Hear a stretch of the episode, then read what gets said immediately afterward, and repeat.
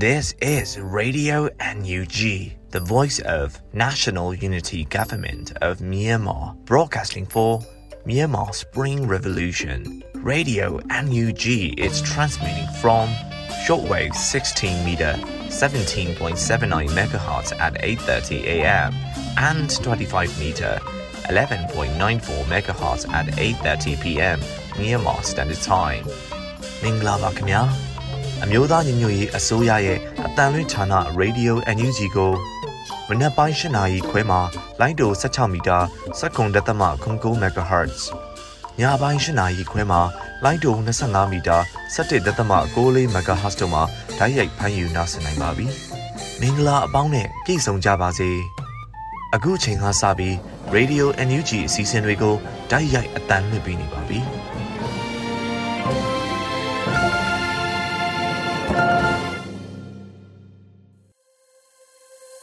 မြန်မာနိုင်ငံသူနိုင်ငံသားအပေါင်းတဘာဝပေးဆေးဟာနာရှင်ပြီးတို့ကနေကင်းဝေးပြီးကိုစိတ်နှစ်ပါးပေးကင်းလုံခြုံကြပါစေလို့ရေဒီယိုအန်ယူဂျီဖွယ်သားများကဆုတောင်းမြတ်တာပို့သလာရပါတယ်ရှင်။အခုချိန်ကစပြီးပြည်တွင်းသတင်းတွေကိုတော့ຫນွေဦးနိုင်ကဖတ်ကြားတင်ပြပေးပါရမရှင်။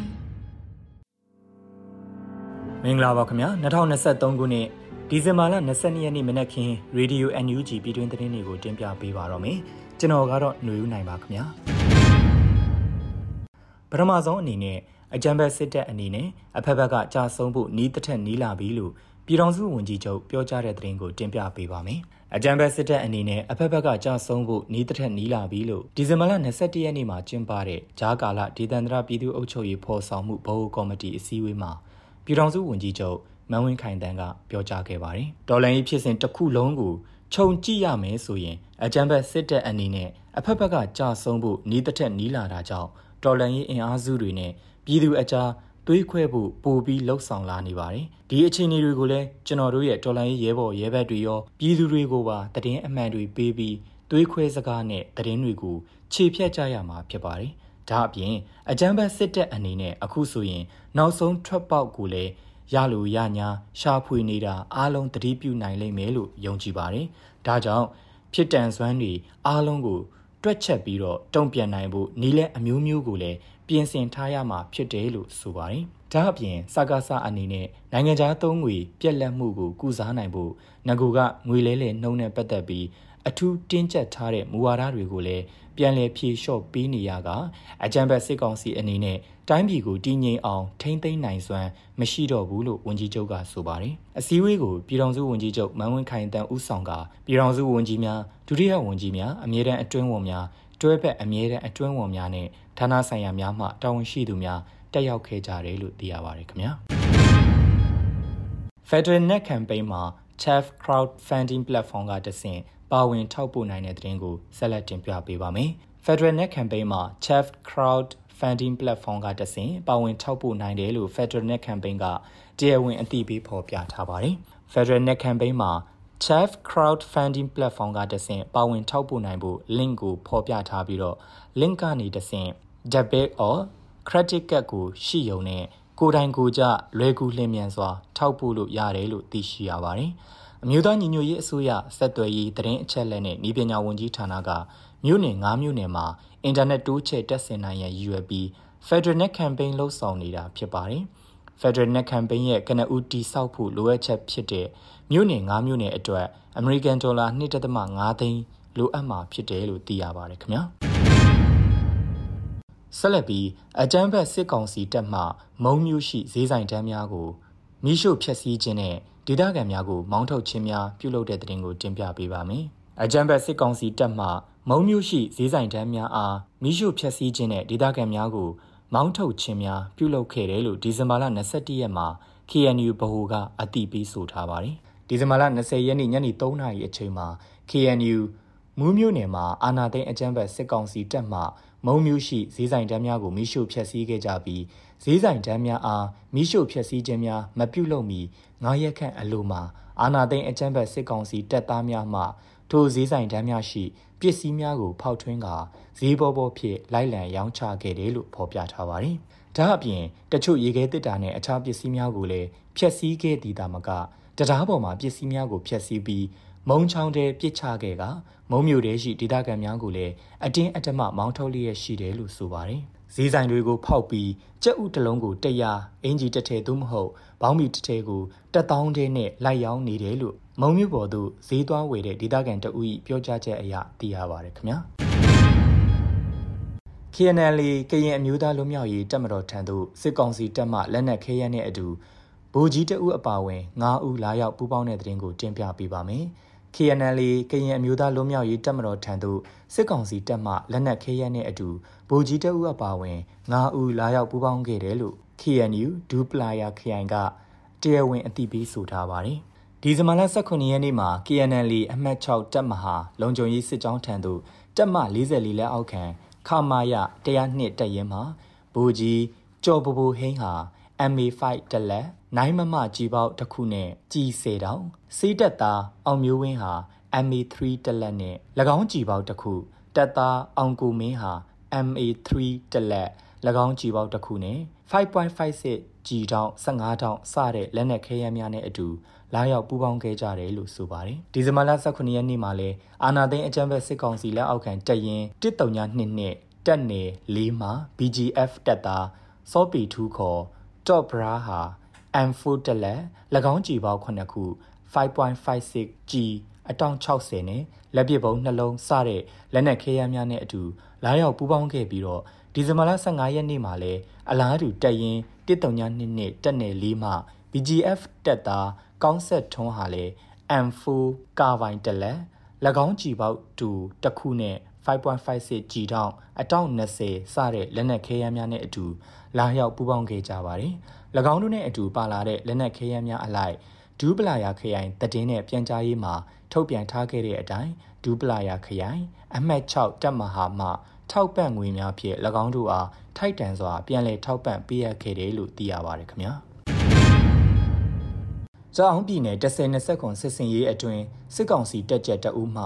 စစ်မတိုက်လိုသောကြောင့်တအောင်တက်မတော် TNL ထံလက်နက်အပြည့်စုံဖြင့်လာရောက်လက်နက်ချခဲ့တဲ့တဲ့တင်ကိုတင်ပြပေးပါမယ်။ တအောင်ပြည်နယ်10-20ခွန်စစ်စင်ရေးအတွင်းစစ်ကောင်စီတက်ကြက်တအူးမှစစ်မတိုက်လိုသောကြောင့်တအောင်တက်မတော် TNL ထံလက်နက်အပြည့်စုံဖြင့်လာရောက်လက်နက်ချခဲ့တယ်လို့ PSLF TNL ကတရားဝင်အသိပေးဖော်ပြထားပါတယ်။စစ်ကောင်စီကွက်ခိုင်ဖြူဟာလက်အောက်ခံခလာရ45တပ်မှ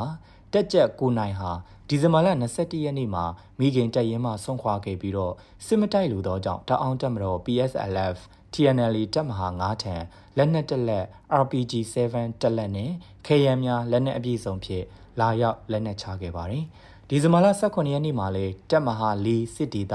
နမ်တူမြို့နယ်စစ်ကောင်စီမန်ဆန်ကြီးရွာတပ်စခန်းမှာစစ်ကောင်စီတပ်နဲ့တအောင်တက်မတော် PSLF TNL တို့တိုက်ပွဲဖြစ်ပွားခဲ့ရာ၎င်းတိုက်ပွဲအတွင်းမှာလည်းစစ်ကောင်စီတပ်ရဲ့ခဲယမ်းများစွာတင်စီရမိခဲ့တယ်လို့သိရပါတယ်ခင်ဗျာ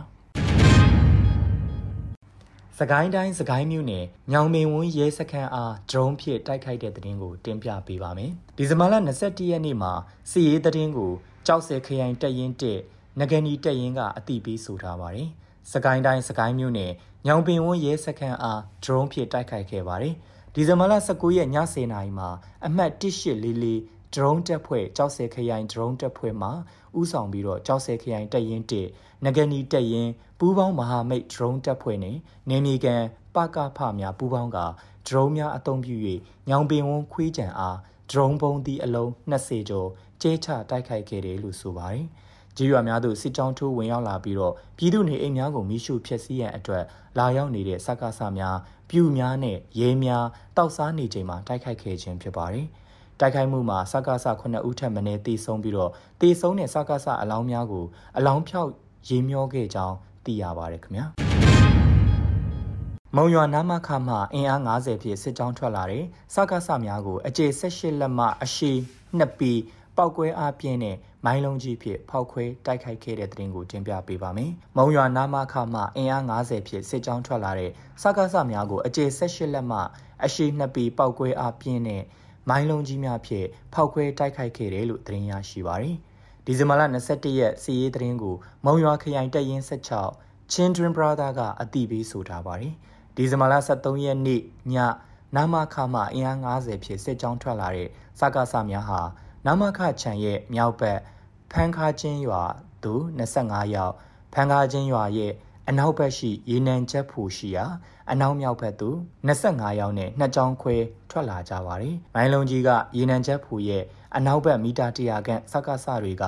ထီးတော်တင်ကားလမ်းကိုဖျက်ကျော်ပြီးတော့မိုင်းလုံးကြီးရှိရာသို့မီးထိုး၍ဥတီလာနေတာကြောင့်အကျယ်16လက်မှအရှိနှစ်ပေပောက်ကွဲအားပြင်းတဲ့မိုင်းလုံးကြီးဖြင့်ဖောက်ကွဲတိုက်ခိုက်ခဲ့ရာအများအပြားထိခိုက်မှုရှိခဲ့တယ်လို့ဆိုပါတယ်။ပောက်ကွဲအားပြင်းတဲ့မိုင်းကြီးကို2022ခုနှစ် မက်လာလောက်က၎င်းနဲ့အရွယ်တူမိုင်းကြီးများကို နာမခချန်ရဲ့ချန်စီယိုနာ၃နေရာမှာမြုပ်နှံထားခဲ့ပြီးတော့2023ခုနှစ်နိုဝင်ဘာလကတည်းကစတင်အသက်သွင်းထားခဲ့တယ်လို့လည်းဆိုထားပါတယ်။မိုင်းကြီးခွဲလိုက်စဉ်ကမိုင်းကြီးရဲ့အရှိန်ကြောင့်၄မိုင်၅မိုင်ပတ်ချလဲလူနေအိမ်အဆောက်အုံများငလင်နှုတ်တလူတုံဟီးသွားခဲ့တယ်လို့ဆိုပါတယ်ခင်ဗျာ။အကြမ်းဖက်စစ်အုပ်စုကြောင့်နိုင်ငံတော်ဝန်အမျိုးသမီး25ဦးနဲ့ အမျိုးသား48ဦးစုစုပေါင်း83ဦးတည်ဆုံးခဲ့ပြီးတော့သကိုင်းတိုင်းမှာ23ဦးဖြစ်တည်ဆုံးမှုအများဆုံးဖြစ်တဲ့သတင်းကိုတင်ပြပေးပါမယ်။နိုင်ငံရေးအကျဉ်းသားများကုညီဆောင်ရှောက်ရေးအသင်းမှကောက်ယူထားတဲ့သတင်းချက်လက်များအရ2023ခုနှစ်ဒီဇင်ဘာလ1ရက်နေ့မှ21ရက်နေ့အထိအကြမ်းဖက်စစ်အုပ်စုကြောင့်နိုင်ငံတော်ဝန်အမျိုးသမီး25ဦးနဲ့အမျိုးသား48ဦးစုစုပေါင်း83ဦးတည်ဆုံးခဲ့ပြီးတော့စကိုင်းတိုင်းမှာ23ဦးဖြစ်တည်ဆုံမှုအများဆုံးဖြစ်တယ်လို့ဆိုပါတယ်။၎ င်း83ဦးအနက်စစ်အုပ်စုရဲ့လေကြောင်းတိုက်ခတ်မှုကြောင့်တည်ဆုံသူအရေအတွက်မှာ29ဦးဖြစ်အများဆုံးဖြစ်ပါတယ်။ဒါ့အပြင်သုံးဘက်တာအတွင်းနိုင်ငံတော်ဝန်မှာအကြမ်းဖက်စစ်အုပ်စုကအမျိုးသမီး19ဦးနဲ့အမျိုးသား32ဦးစုစုပေါင်း52ဦးကိုဖမ်းဆီးထိန်းသိမ်းခဲ့ပြီးတော့မွန်ပြည်နယ်နဲ့ရှမ်းပြည်နယ်မှာ10ဦးစီဖြစ်အများဆုံးဖမ်းဆီးခံခဲ့ရတယ်လို့သိရပါတယ်ခင်ဗျာဆက်လက်ပြီးနိုင်ငံတော်သမ္မတဦးဝင်းမြင့်နိုင်ငံတော်၏အတိုင်ပင်ခံပုဂ္ဂိုလ်ဒေါအောင်ဆန်းစုကြည်နဲ့ နိုင်ငံရေးအကျဉ်းသားများအားလုံးလွတ်မြောက်ရေးအတွက်ຫນွေဦးအောင်လန်ဆူတောင်းပွဲစက်ထမအကြိမ်ကျင်းပတဲ့တဲ့တင်ကိုတင်ပြပေးပါမယ်။နိုင်ငံတော်သမ္မတဦးဝင်းမြင့်နိုင်ငံတော်၏အတိုင်ပင်ခံပုဂ္ဂိုလ်ဒေါအောင်ဆန်းစုကြည်နဲ့နိုင်ငံရေးအကျဉ်းသားများအားလုံးလွတ်မြောက်ရေးအတွက်ຫນွေဦးအောင်လန်ဆူတောင်းပွဲစက်ထမအကြိမ်ကိုဒီဇင်ဘာလ22ရက်မွန်လွဲတနာရီအချိန်မှာ Zone Application Platform မှာတဆင့်ကျင်းပခဲ့တယ်လို့သိရပါတယ်။ဆူတောင်းပွဲသို့ဘာသာရေးကောင်းဆောင်များနိုင်ငံရေးတက်ကြွလှုပ်ရှားသူများ နိုင်ငံရေးပါတီအသီးသီးမှလူမှုအဖွဲ့အစည်းများစသဖြင့်တော်လှန်ရေးနယ်ပယ်အသီးသီးမှတက်ရောက်ခဲ့ကြပြီးတော့အဖွဲ့နှုတ်ခွန်းဆက်စကားကို LGBT တက်ကြွလှုပ်ရှားသူကိုကန်ထွေးမှရှင်းလင်းပြောကြားခဲ့ပါတယ်။အဲဒီနောက်ဘာသာအသီးသီးမှဘာသာရေးခေါင်းဆောင်များကစူတောင်းစကားများမိန့်ကြားခဲ့ကြပြီးတော့အဝေးရောက်အေယာဝတီအသင်းအတွင်ရေးမှူးဖိုးတကြံနဲ့နိုင်ငံရေးအကျဉ်းသားဟောင်းမင်းသွေးတစ်တို့ကတော်လန်ရေးကြပြတပုတ်စီကိုရွတ်ဖက်တင်ဆက်ခဲ့ကြပါတယ်။အဲဒီနောက်နိုင်ငံရေးအကျဉ်းသားများအားလုံး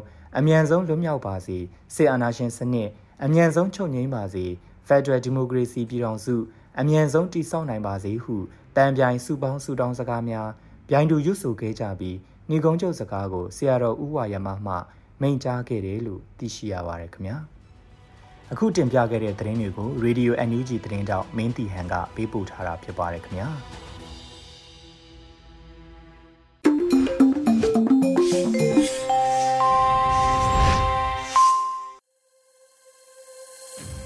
ရေဒီယိုညူဂျီရဲ့မနက်ခင်းစီစဉ်တွေကိုဆက်လက်တင်ပြနေပါတယ်။အခုဆက်လက်ပြီးနားဆင်ကြရမှာကတော့လူခွင့်ရေးစကားသံအစီအစဉ်နေနဲ့လူခွင့်ရေးဆိုင်ရာဝန်ကြီးဌာနမှတင်ဆက်ပေးထားတဲ့အသွင်ကူးပြောင်းရေးကာလတရားမျှတမှုလို့အမည်ရတဲ့အကြောင်းအရာကိုနားဆင်ကြရတော့မှာဖြစ်ပါတယ်ရှင်။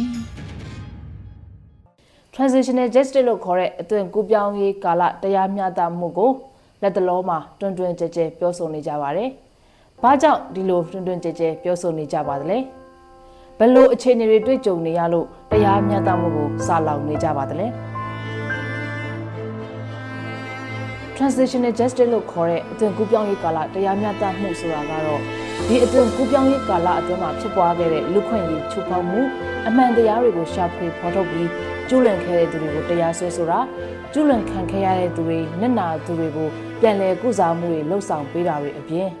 ဒီလိုအဖြစ်မျိုးနောက်နောင်ဖြစ်ပွားမှုမရှိရလေအောင်အာမခံလှုပ်ဆောင်ပေးတာမျိုးကို transitional justice လို့ခေါ်ပါတယ်အသွင်ကူးပြောင်းရေးကာလတရားမျှတမှုကိုပြောကြတဲ့အခါမှာအဓိကကျတဲ့အစိတ်အပိုင်း၄ခုရှိပါတယ်။အဲ့ဒါတွေကတော့အမှန်တရားကိုရှာဖွေဖော်ထုတ်တာတရားစွဲဆိုတာပြည်လည်ကုစားမှုတွေလှုပ်ဆောင်ပေးတာနဲ့ရန်တရားတွေကိုလိုအပ်တယ်လို့ပြုပြင်ပြောင်းလဲမှုတွေလှုပ်ဆောင်ပေးတာတွေဖြစ်ပါတယ်။အခုဆိုလို့ရှိရင်တစ်ခုချင်းစီကိုအသေးစိတ်လေ့လာကြည့်ကြရအောင်ပါ။ အမှန်တရားကိုရှာဖွေဖော်ထုတ်တယ်ဆိုတာကတော့အတိတ်ကာလကဘာတွေဖြစ်ဖြစ်ခဲ့တယ်လဲဆိုတာကိုမှတ်မိနားလည်နိုင်ဖို့အတွက်ရည်ရွယ်ပြီးတရားဝင်ဖြစ်စေအလွယ်တဘောဖြစ်စေလှုပ်ဆောင်မှုကိုဆိုလိုပါတယ်တရားဝင်လှုပ်ဆောင်နေဆိုတာကတော့အစိုးရကအမှန်တရားရှာဖွေရေးကော်မရှင်ဒါမှမဟုတ်စုံစမ်းစစ်ဆေးရေးကော်မရှင်ဖွဲ့ပြီးအပိုင်းအကြားတစ်ခုသတ်မှတ်၍စုံစမ်းဖော်ထုတ်စေတာမျိုးကိုဆိုလိုတာပါ ဒီကော်မရှင်တွေအနေနဲ့ဒီလိုအဖြစ်အပျက်မျိုးထပ်ပတ်မဖြစ်ပွားဖို့အတွက်ကောက်ွယ်ပေးရမယ့်အချက်တွေလက်နာသူတွေကိုကုစားပေးဖို့ကိစ္စရပ်တွေကိုအကြံပြုရလေရှိကြပါတယ်အလွယ်တဘောလှုပ်ဆောင်နေဆိုတာကတော့မှတ်တမ်းကောက်ယူခြင်းလုပ်ငန်းစဉ်တွေအစီရင်ခံစာတွေရုပ်ရှင်တွေနဲ့တွေ့ဆုံမေးမြန်းမှုအစီအစဉ်လုပ်တာတွေအပါအဝင်အရက်ဖက်အဖွဲ့အစည်းတွေနဲ့ရှင်တန်လွမြောက်လာသူတွေကလှုပ်ဆောင်တာမျိုးဖြစ်ပါတယ်။လက်ရှိကျမတို့လှုပ်ဆောင်နေတဲ့မှတ်တမ်းကောက်ယူမှုတွေကလည်းဒီလှုပ်ဆောင်မှုအောက်မှာအကျုံးဝင်တယ်လို့ပြောလို့ရပါတယ်။ လက်ရှိຫນွေဦးတော်လှန်ရေးကာလမှာလူခွင့်ရေးချိုးဖောက်မှုတွေအမှန်တရားတွေကိုဖော်ထုတ်နိုင်ဖို့ရန်အတွက်ကျမတို့ဒီ လူခွင့်ရေးချိုးဖောက်မှုတည်င်းမှတ်တမ်းတွေကိုကောက်ယူထားပါတယ်ဒီလိုမျိုးကောက်ယူထားတဲ့အချိန်မှာမြေပြင်မှာတကယ်ကျိုးလွန်ခံရတဲ့သူတွေဒါမှမဟုတ်မျက်မြင်သက်သေတွေဒါမှမဟုတ်ကျိုးလွန်ခံရတဲ့သူတွေနဲ့နှိစက်တဲ့သူတွေကိုကျမတို့ချိတ်ဆက်ပြီးတော့အင်တာဗျူးမြင်မှန်းတာတွေပြီးတော့တည်င်းမီဒီယာပေါ်ကနေပြီးတော့ကျမတို့အချက်လက်ဆုဆောင်းတာတွေပြုလုပ်ပါတယ်ပြီးတော့ဒီအကြံဖက်စစ်ကောင်စီဘက်ကနေပြီးတော့ထုတ်ပြန်ထားတဲ့ statement တွေသူတို့ရဲ့ပြောကြားချက်တွေကိုလည်းကျမတို့တည်တည်ချာချာစုဆောင်ပြီးတော့ကျိုးလွန်သူကျိုးလွန်ခံရတဲ့သူတွေကိုဖော်ထုတ်နိုင်ဖို့ရန်အတွက်ကျမတို့တည်တည်ချာမှတ်တမ်းကောက်ယူထားပါတယ်အာဒီလိုမျိုးမှတ်တမ်းကောက်ယူတဲ့အခါမှာအများဆုံးတွေ့ရတဲ့လူခွင့်ရေးချိုးဖောက်မှုတွေကတော့ပြည်သူတွေရဲ့နေအိမ်တွေကိုမိရှို့ဖျက်ဆီးတာတွေပြီးတော့အပြစ်မဲ့ပြည်သူတွေကိုမတရားတပ်ဖြတ်တာတွေမတရားဖမ်းဆီးနှိပ်စက်တာတွေကိုအများဆုံးတွေ့ရတယ်ပြီးတော့အဲဒီအမျိုးသမီးတွေအပေါ်မှာလင်ပိုင်းဆိုင်ရာစော်ကားနှိပ်စက်တာတွေဘာသာရေးအဆောက်အဦတွေကိုရည်ရွယ်ချက်ရှိရှိတိုက်ခိုက်ဖျက်ဆီးတာတွေ အာပြီးတော့လမ်းတွေကိုပိတ်ဆို့တာအင်တာနက်တွေကိုဖြတ်တောက်တာစားတဲ့လူအခွင့်အရေးချိုးဖောက်မှုတွေကိုအမျိုးမျိုးလှုပ်ဆောင်တာတွေကိုကျမတို့တွေ့နေရပါတယ်။ဒါကတော့လူထုနီးနဲ့အမတ်တရားကိုရှာဖွေဖော်ထုတ်နေကြတာပါ။တော်လန်ရေးအောင်ပြီအသွင်ကူးပြောင်းရေးကာလတရားမျှတမှုကိုဖော်ဆောင်နိုင်ဖို့အတွက်ဆိုရင်အခုကလေးကလူခွင့်ရေးချိုးဖောက်မှုမှတ်တမ်းတွေကိုစနစ်တကျကောက်ယူထားကြရမှာပါဒီလိုကျူးလွန်ခံခဲ့ရတဲ့သူတွေမျက်နာသူတွေကျူးလွန်တဲ့သူတွေကိုရှာဖွေဖော်ထုတ်စုံစမ်းပြီးတဲ့နောက်မှာတော့ တရားမျှတမှုကိုရရှိဖို့အတွက်ကျူးလွန်ခဲ့တဲ့သူတွေကိုတရားစွဲဆိုတာကျူးလွန်ခံခဲ့ရတဲ့မျက်နာသူတွေကိုပြန်လည်ကုစားမှုတွေလှုပ်ဆောင်ဖို့လိုပါတယ်တရားစွဲဆိုရဲဆိုတဲ့နေရာမှာပြည်တယ်ပေးတာအရေးယူတာကင်းလွတ်ခွင့်ပေးတာမျိုးတွေလည်းပါဝင်နိုင်ပါတယ်။ preparation ဆိုတာကတော့ကျူးလွန်ခံရသူတွေမျက်နာသူတွေကိုပြန်လည်ကုစားမှုတွေလှုပ်ဆောင်ပေးတာပါ။ရော်ကြီးပေးတာတရားဝင်တောင်းပန်တာဒါမျိုးတွေထပ်မဖြစ်ဖို့အတွက်ပြတိုက်တွေရုပ်ထုတွေတိစောက်ပေးတာ နောက်အထူးနေ့တွေအဖြစ်သတ်မှတ်ပြီးတော့အောင်းမွေပဲအထိတ်အမှတ်တွေကိုပြုလုပ်ပေးတာမျိုးလည်းပါဝင်နိုင်ပါတယ်။ transitional justice ကိုအကောင့်ထဲပေါ်ဆောင်ရွက်တဲ့အခါမှာအမှန်တရားတွေကိုရှာဖွေဖော်ထုတ်တာကျွလွန်တဲ့သူကိုတရားစွဲဆိုတာမျက်နာတဲ့သူတွေကိုပြန်လည်ကုစားမှုပေးတာတွေနဲ့ပဲမလုံလောက်သေးပါဘူးဒီလိုအဖြစ်မျိုးနောက်နောက်မဖြစ်ပွားဖို့အတွက်လိုအပ်တယ်လို့ပြုပြင်ပြောင်းလဲမှုတွေကိုလည်းလှုံ့ဆော်ပေးရမှာပါလိုအပ်တယ်လို့ပြုပြင်ပြောင်းလဲတဲ့ဆိုတဲ့နေရာမှာဒီလိုဖိနှိပ်မှုမျိုးတွေထပ်မံမဖြစ်ပွားဖို့အတွက်စစ်တပ်ရဲ တရားရေးစနစ်အစတာတွေကိုလိုအပ်တယ်လို့ပြုပြင်ပြောင်းလဲပေးတာလူထုဝန်ဆောင်မှုဆိုင်ရာစုံစမ်းစစ်ဆေးမှုတွေမှာဗက်လိုက်မှုတွေမရှိဖို့မီဒီယာနဲ့ပညာရေးကဏ္ဍတွေကိုပါပြုပြင်ပြောင်းလဲမှုများလှုံ့ဆော်ပေးတာတွေအပြင်ဒီလိုအမားတွေကိုသင်ခန်းစာယူပြီးတာဝန်ယူမှုရှိစေဖို့အတွက် policy အသစ်တွေကိုပြဋ္ဌာန်းပေးတာမျိုးတွေလည်းပါဝင်ပါတယ်။ဒီဗီဒီယိုလေးထဲမှာတော့ transitional justice လို့ခေါ်တဲ့အသွင်ကူးပြောင်းရေးကာလတရားမျှတမှုအကြောင်းကိုလေ့လာခဲ့ကြတာပဲဖြစ်ပါတယ်။ဒီကနေတဆင့် ကျမတို့လက်ရှိနေဦးတော်နိုင်ရေးကာလမှာကြုံတွေ့နေရတဲ့မတရားမှုတွေလူခွင့်ရေးချိုးဖောက်မှုတွေအမှန်တရားတွေကိုဘယ်လိုပုံစံမျိုးနဲ့ရှာဖွေဖော်ထုတ်ကြမယ်ဘယ်လိုတရားမျှတမှုတွေကိုဖော်ဆောင်ကြမလဲဆိုတာကိုသိရှိသွားကြလိမ့်မယ်လို့မျှော်လင့်ပါတယ်အားလုံးကိုကျေးဇူးတင်ပါတယ်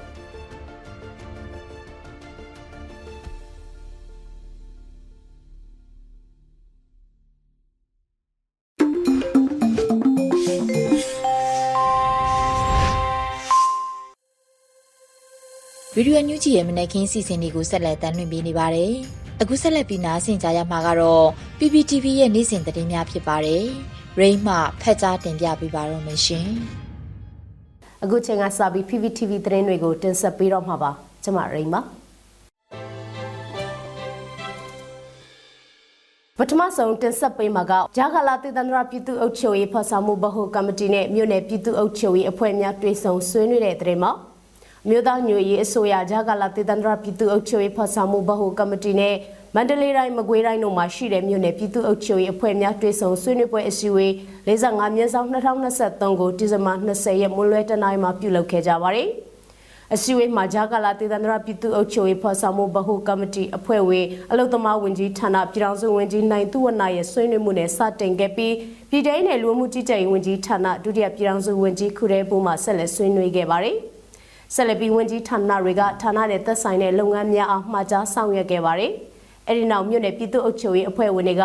မူဝါဒလမ်းညွှန်ချက်များလုပ်ငန်းဆောင်ရွက်ချက်များမြေပြခက်ခဲများနဲ့ပတ်သက်ပြီးသိရှိလိုရများကိုမေးမြန်းခဲ့ကဝန်ကြီးဌာနရဲ့တာဝန်ရှိသူများကပြန်လည်ဖြေကြားခဲ့ကြပါတယ်။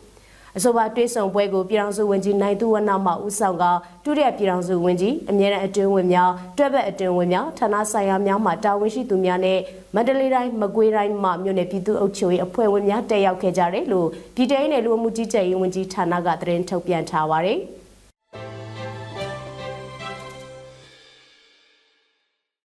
အခုတခါတင်ဆက်ပေးမှာကတော့ နွေဦးတော်လှန်ရေးကာလအတွင်းကြာဆုံးခဲ့ရသူပေါင်း4262ဦးအထိရှိနေခဲ့ပြီလို့ AAPP ထုတ်ပြန်လိုက်တဲ့သတင်းမှာ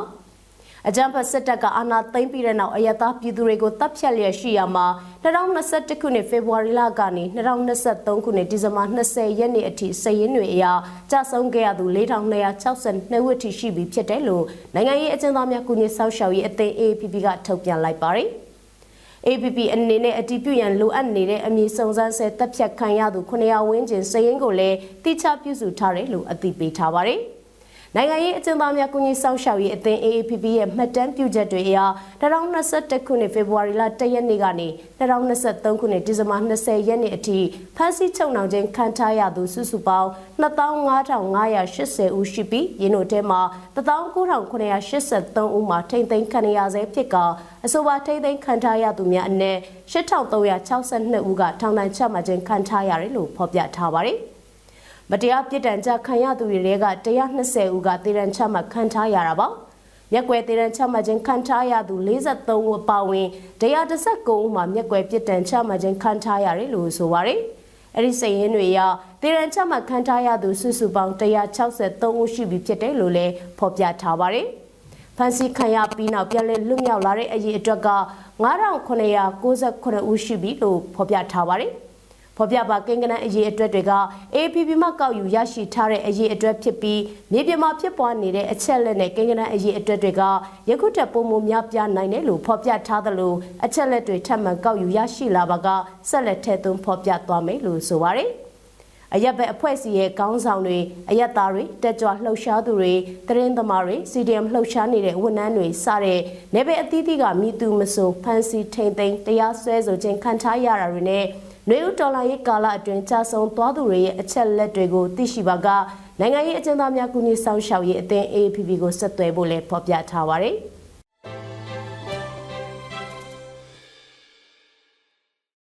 ဆက်လက်တင်ဆက်ပေးမှာကတော့လက်နက်နဲ့ခဲယမ်းတွေယူဆောင်ပြီးအလင်းဝင်လာတဲ့အကြံဖတ်စစ်တပ်ကတူတက်ချက်တအူးကိုကျပ်သိန်း150ပေးအပ်လိုက်တဲ့တဲ့မှာ ကေအမျိုးသားအစည်းအရုံး KNU ဒူပလာယာခရိုင်တပ်မဟာ6နယ်မြေကိုအကြမ်းဖက်စစ်တပ်ရဲ့ခလာယာ283တပ်ရင်းမှဒုတက်ချက်တအူးကလက်နက်နဲ့ခဲယမ်းများယူဆောင်လာပြီးတပ်မဟာ6ကွန်မန်ဒိုတပ်ဖွဲ့ထံအလင်းဝင်လာတယ်လို့ KNU ကဒီကနေ့မှထုတ်ပြန်ထားပါတယ်အကြမ်းဖက်စစ်တပ်ရဲ့ခလာယာ283တပ်ရင်းမှဒုတက်ချက်ကဒီဇင်ဘာ16ရက်မှာအကြမ်းဖက်စစ်ကောင်စီလက်အောက်ခံအဖွဲ့ဝင်အဖြစ်တာဝန်ထမ်းဆောင်လိုခြင်းမရှိတော့တဲ့အတွက် KNU တပ်မှ6ကွန်မန်ဒိုတပ်ဖွဲ့ထံကို MA4 တနက်တလက်40မမပုံသီးရှစ်လုံးကြည်တောက်အပို၄ခု9.56ကြီးစံ85တောက်တို့ကိုယူဆောင်လာကလာရောက်ပူပေါင်းတယ်လို့သိပေးထားပါတယ်။ကေမျိုးသားအစည်းအရုံးထံသို့လက်နက်ခဲယမ်းများယူဆောင်လာကအလင်းဝင်ရောက်လာတဲ့တူတက်ချက်ကို KML မှအရာရှိတဦးကငွေချက်သိန်း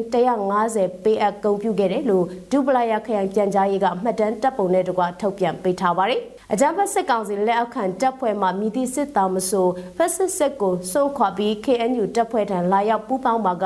နှွေးထွေးစွာကြိုးစိုးနေပြီးရှစ်ဆက်ပြီးဘဝရက်တည်နိုင်ရေးအတွက်အကူအညီထောက်ပံ့ပေးသွားမှာဖြစ်တယ်လို့လည်းဖော်ပြထားပါတယ်။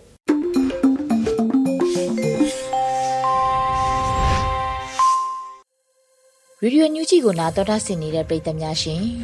အခုနောက်ဆုံးအနေနဲ့တော်လန်ရေးတေဂီတာအစီအစဉ်မှာတော့တေးဆိုတက်ကီယာစ်တဲ့ငါတို့အမိမြေလို့အမည်ရတဲ့တော်လန်ရေးတေဂီတာကိုနားဆင်ကြရတော့မှာဖြစ်ပါတယ်ရှင်။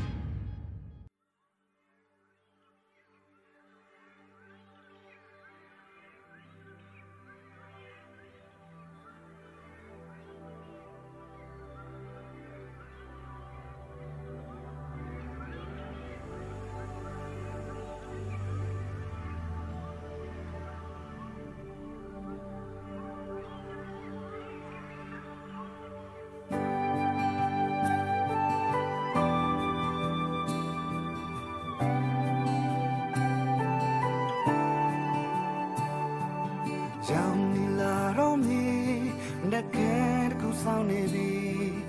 pe sakhet mya me ye chang ni ma mo wan ti to show ma jang me ki ta chou la sa lo bi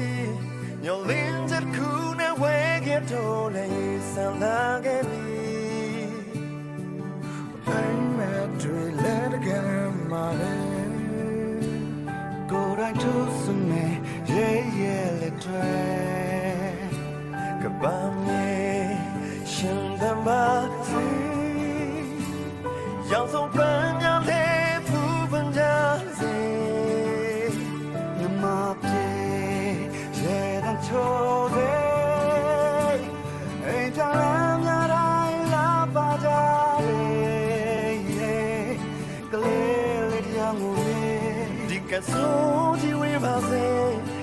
သမားစီရောက်ဆုံးပန်းများလေးဖူးပန်းကြစေမြမပြေရေတန်ချိုးတဲ့အိမ်ကြောင်များတိုင်းလာပါကြလေကလေးလေးတရားငူဒီကဆိုဒီဝေးပါစေတာယာစေတန်ငါတို့မိမြေ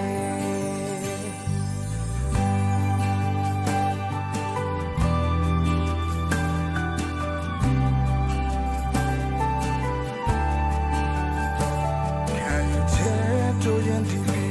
အမောင်ကိုခွဲလို့လဲဆောင်ပြီး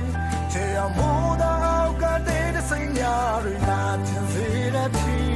လူတွေမင်းချောင်းပြောနေပြီအ မှန်တရားနဲ့သမိုင်းကိုချီမင်းရှောက်ခဲ့တဲ့ဘန်ကသာပြီးယူရောက်နာခဲ့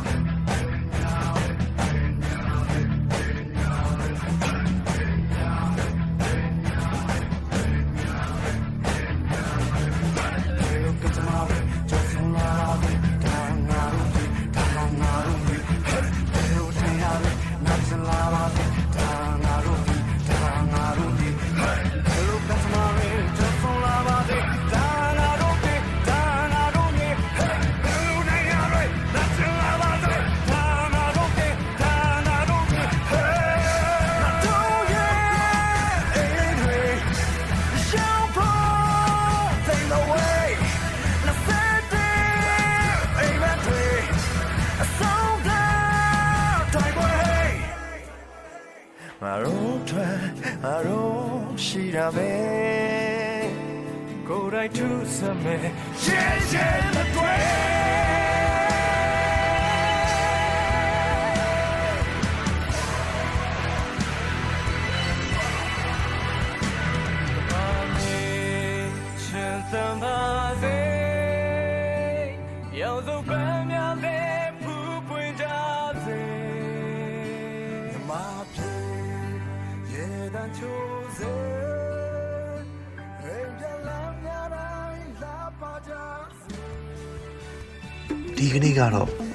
နေပဲ Radio NUG ရဲ့အစည်းအဝေးကိုခਿੱတရနာလိုက်ပါမယ်မြန်မာစံတော်ချိန်မနက်၈နာရီခွဲနဲ့ည၈နာရီခွဲအချိန်တွေမှာပြန်လည်ဆုံးဖြတ်ကြပါစို့ Radio NUG ကိုမနက်ပိုင်း၈နာရီခွဲမှာလိုင်းဒို16မီတာစက္ကန့်တသမ9 MHz ညပိုင်း၈နာရီခွဲမှာလိုင်းဒို25မီတာ17တသမ6 MHz တို့မှာဓာတ်ရိုက်ဖမ်းယူနားဆင်နိုင်ပါပြီမြန်မာနိုင်ငံသူနိုင်ငံသားများကိုယ်စိတ်နှပြကျန်းမာချမ်းသာလို့ဘေးကင်းလုံခြုံကြပါစေလို့ Radio NUG အဖွဲ့သူအဖွဲ့သားများကဆုတောင်းလိုက်ရပါတယ်။အမျိုးသားညီညွတ်ရေးအစိုးရရဲ့စက်သွေးရေးသတင်းအချက်အလက်နဲ့ဤပညာဝန်ကြီးဌာနကထုတ်လွှင့်နေတဲ့ Radio NUG ဖြစ်ပါတယ်။ San Francisco Bay Area အခြေစိုက်မြန်မာမိသားစုများနဲ့နိုင်ငံတကာကစေတနာရှင်များလှုပ်အားပေးများရဲ့ Radio NUG ဖြစ်ပါတယ်